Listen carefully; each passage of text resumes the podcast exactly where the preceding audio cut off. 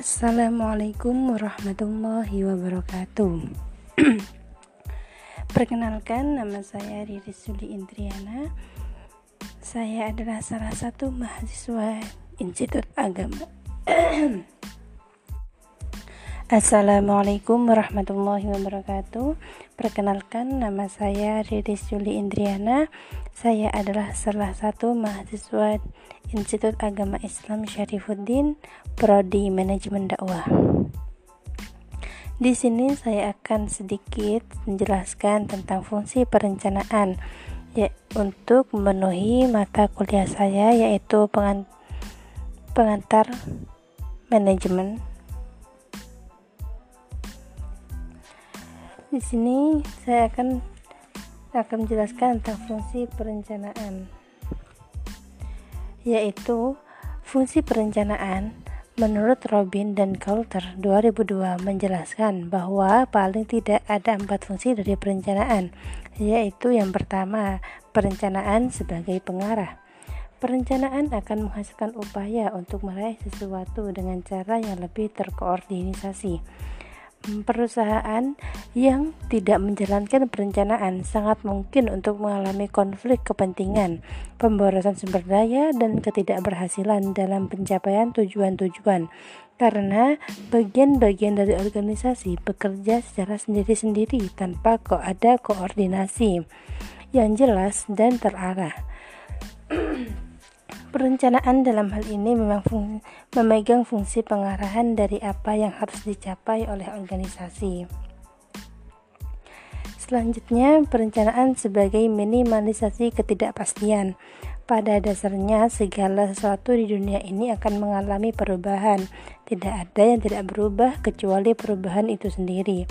Perubahan sering kali sesuai dengan apa yang kita perkirakan, akan tetapi tidak jarang pula malah di luar perkiraan kita, sehingga menimbulkan ketidakpastian bagi perusahaan. Ketidakpastian inilah yang coba diminimalkan melalui kegiatan perencanaan. Dengan adanya perencanaan, diharapkan ketidakpastian yang mungkin akan terjadi di masa yang akan datang dapat diantisipasi jauh-jauh hari. Perencanaan sebagai minimalisasi pemborosan sumber daya. Selanjutnya, perencanaan juga berfungsi sebagai minimalisasi pemborosan sumber daya organisasi yang digunakan.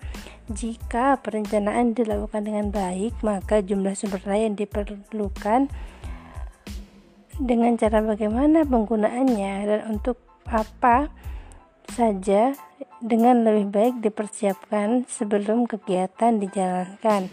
Dengan demikian, pemborosan yang terkait dengan penggunaan sumber daya yang dimiliki perusahaan akan bisa diminimalkan sehingga tingkat efisiensi dari perusahaan jadi meningkat.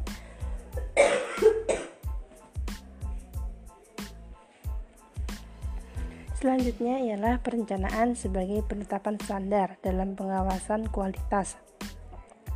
Perencanaan berfungsi sebagai penetapan standar kualitas yang harus dicapai oleh perusahaan dan diawasi pelaksanaannya dalam fungsi pengawasan manajemen. Dalam perencanaan, perusahaan menentukan tujuan dan rencana-rencana untuk mencapai tujuan tersebut. Dalam pengawasan, perusahaan membandingkan antara tujuan yang ingin dicapai dengan realisasi di lapangan, membandingkan antara standar yang ingin dicapai dan realisasi di lapangan, mengevaluasi penyimpangan-penyimpangan yang mungkin terjadi hingga mengambil tindakan yang dianggap perlu untuk memperbaiki kinerja perusahaan. Dengan pengertian tersebut, maka perencanaan berfungsi sebagai penetapan standar kualitas yang ingin dicapai oleh perusahaan. Selanjutnya, melakukan perencanaan.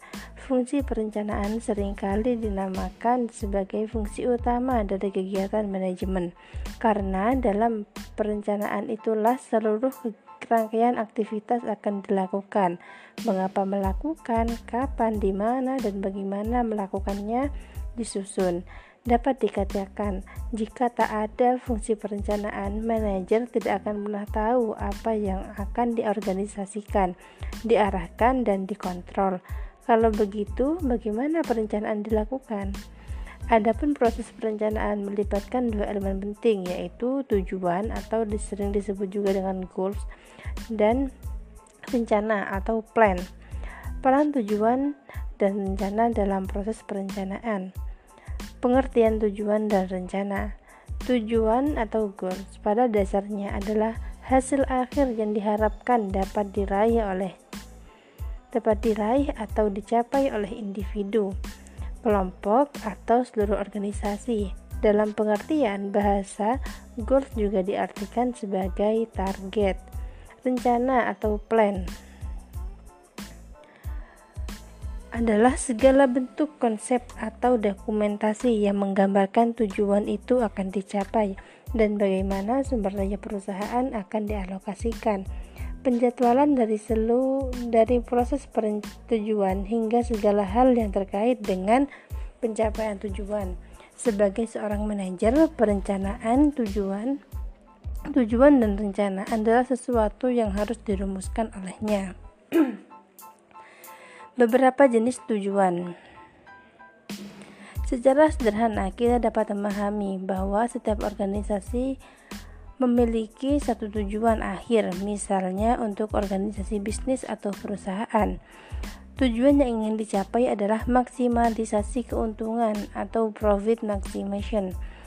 Untuk organisasi non-profit, semisal yayasan, tujuan yang ingin dicapai adalah pemenuhan akan kebutuhan sekelompok orang tertentu.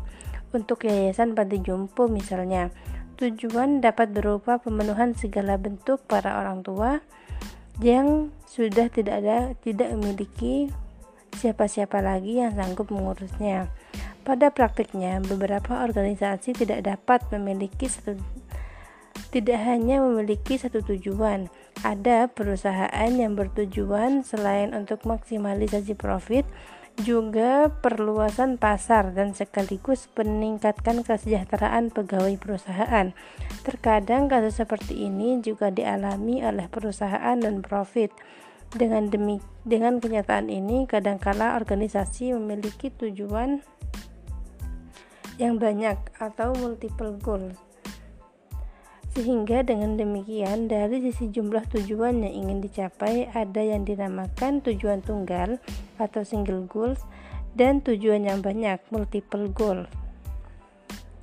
Adapun tujuan itu dibedakan jadi tiga. Yang pertama, tujuan strategis. Tujuan strategis adalah tujuan yang ingin dicapai oleh perusahaan dalam jangka waktu yang relatif lama, biasanya antara 3 hingga 5 tahun atau juga lebih. Sebagai contoh, tujuan strategis adalah untuk menjadi market leader dalam bisnis makanan siap saji. Pencapaian tujuan ini jelas tidak akan dicapai dalam hitungan sehari, akan tetapi memerlukan waktu yang cukup lama. yang kedua adalah tujuan taktis. Tujuan taktis adalah tujuan yang ingin dicapai oleh perusahaan dalam jangka waktu yang, yang waktu menengah relatif lebih singkat dari tujuan strategis. Biasanya pencapaian tujuan ini antara 1 hingga 3 tahun. Sebagai contoh dari tujuan taktis, misalnya meningkatkan pangsa pasar sebesar 30%. Peningkatan pangsa pasar sebesar 30% jelas akan membantu perusahaan tersebut untuk menjadikan market leader dalam jangka waktu panjang. Di sini kita melihat bahwa pencapaian tujuan strategis akan tercapai jika tujuan taktis juga tercapai. Bagaimana peningkatan pangsa pasar sebesar 30% bisa dicapai? Di sinilah jenis ketiga dari tujuan dirumuskan, yaitu tujuan operasional. Tujuan operasional adalah tujuan yang ingin dicapai dalam satu periode kegiatan perusahaan, biasanya antara enam bulan hingga satu tahun kadangkala juga dapat hingga mencapai 2 tahun. Tujuan operasional ini dalam evaluasinya terkait dengan masa pelaporan keuangan perusahaan yang biasanya juga antara 6 bulan hingga 1 tahun. Sebagai contoh dari tujuan operasional adalah meningkatkan penjualan makanan siap saji sebesar 20% di setiap outlet Peningkatan ma penjualan makanan siap saji sebesar 20% di setiap outlet akan menunjukkan bahwa jumlah pelanggan yang membeli pada perusahaan tersebut meningkat dan dengan demikian akan mendukung pencapaian tujuan taktis yang memperluas, memperluas pangsa pasar menjadi 30%. Selanjutnya ialah beberapa jenis rencana. Rencana dari segi keluasan waktu. Rencana dapat dibedakan menjadi rencana strategis atau rencana jangka panjang dan rencana taktis atau jangka menengah dan rencana operasional atau jangka pendek. Yang pertama ialah rencana strategis atau jangka panjang. Dalam rencana yang akan yang akan dijalankan oleh seluruh komponen dalam organisasi atau perusahaan dan dibuat dalam jangka dalam rangka pencapaian tujuan organisasi setelah secara keseluruhan. Bagaimana agar perusahaan menjadi market leader dalam makanan siap saji disusun dalam rencana strategis ini. rencana taktis atau jangka menengah adalah rencana yang dijalankan untuk mencapai tujuan jangka menengah dan sebagai dorongan tercapainya tujuan jangka panjang. Bagaimana peningkatan pangsa pasar sebesar 30% dirumuskan dalam perencanaan taktis atau jangka menengah ini? Rencana operasional atau jangka pendek adalah rencana yang dijalankan untuk mencapai tujuan jangka pendek dan sebagai dorongan tercapainya tujuan jangka menengah. Bagaimana peningkatan penjualan makanan saji di setiap outlet yang dimiliki perusahaan dirumuskan dalam rencana ini? Selanjutnya ialah dari segi kejelasan. Rencana dapat dibagi menjadi dua, yaitu rencana spesifik atau specific plan. Rencana spesifik adalah rencana yang rumusnya sudah jelas dan tidak memerlukan interpretasi. Sebagai contoh, manajer yang menetapkan adanya peningkatan pangsa pasar sebesar 30% barangkali akan membuat rencana yang sangat jelas seperti prosedur kerja yang spesifik, alokasi anggaran yang ketat, dan penjadwalan yang sudah jelas dan ketat. Selanjutnya ialah dari segi frekuensi penggunaan. Rencana dapat dibagi menjadi rencana sekali pakai atau single use plan dan rencana yang penggunaannya secara terus-menerus atau standing plan. Rencana sekali pakai biasanya dilakukan untuk organisasi kepanitiaan. Contoh, rencana sekali pakai adalah rencana kepanitiaan seminar, lokarya, dan lain-lain. Adapun rencana yang penggunaannya terus-menerus biasanya digunakan oleh sebuah organisasi yang kegiatannya terus berkelanjutan dari waktu ke waktu.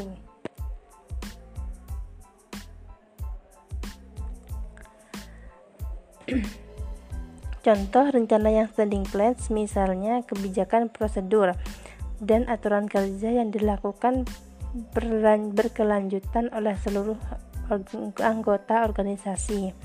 Apakah kegiatan yang terkait single use plan atau multi, multiple use plan berjalan maupun tidak? Selanjutnya ialah alat bantu bagi perencanaan. Berbagai teoritisi manajemen telah memperkenalkan beberapa pendekatan dalam melakukan perencanaan, termasuk beberapa alat analisis atau model yang dapat digunakan dalam melakukan perencanaan. Di antara, di antara beberapa alat manajemen guna melakukan perencanaan di antaranya adalah bagan arus atau flow chart, bagan gen atau gen card, dan jaringan PERT atau PERT network. pada dasarnya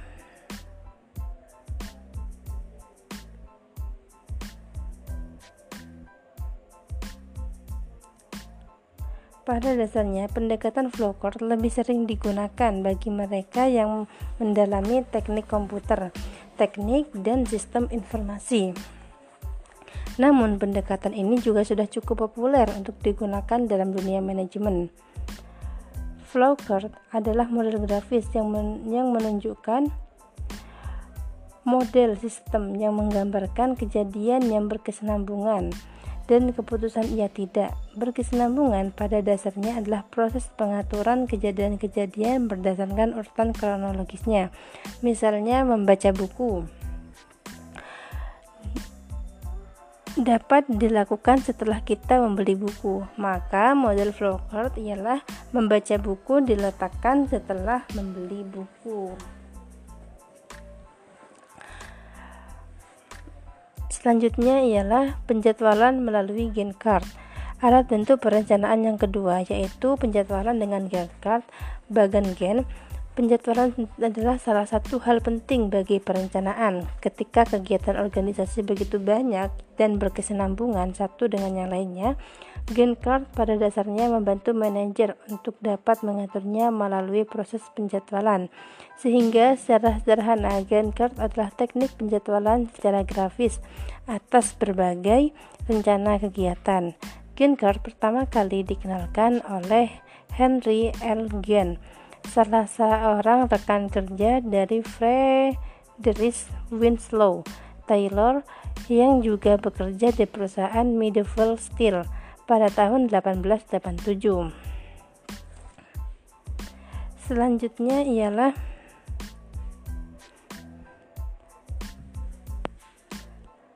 Sekian dari saya, kurang lebihnya mohon maaf. Assalamualaikum warahmatullahi wabarakatuh.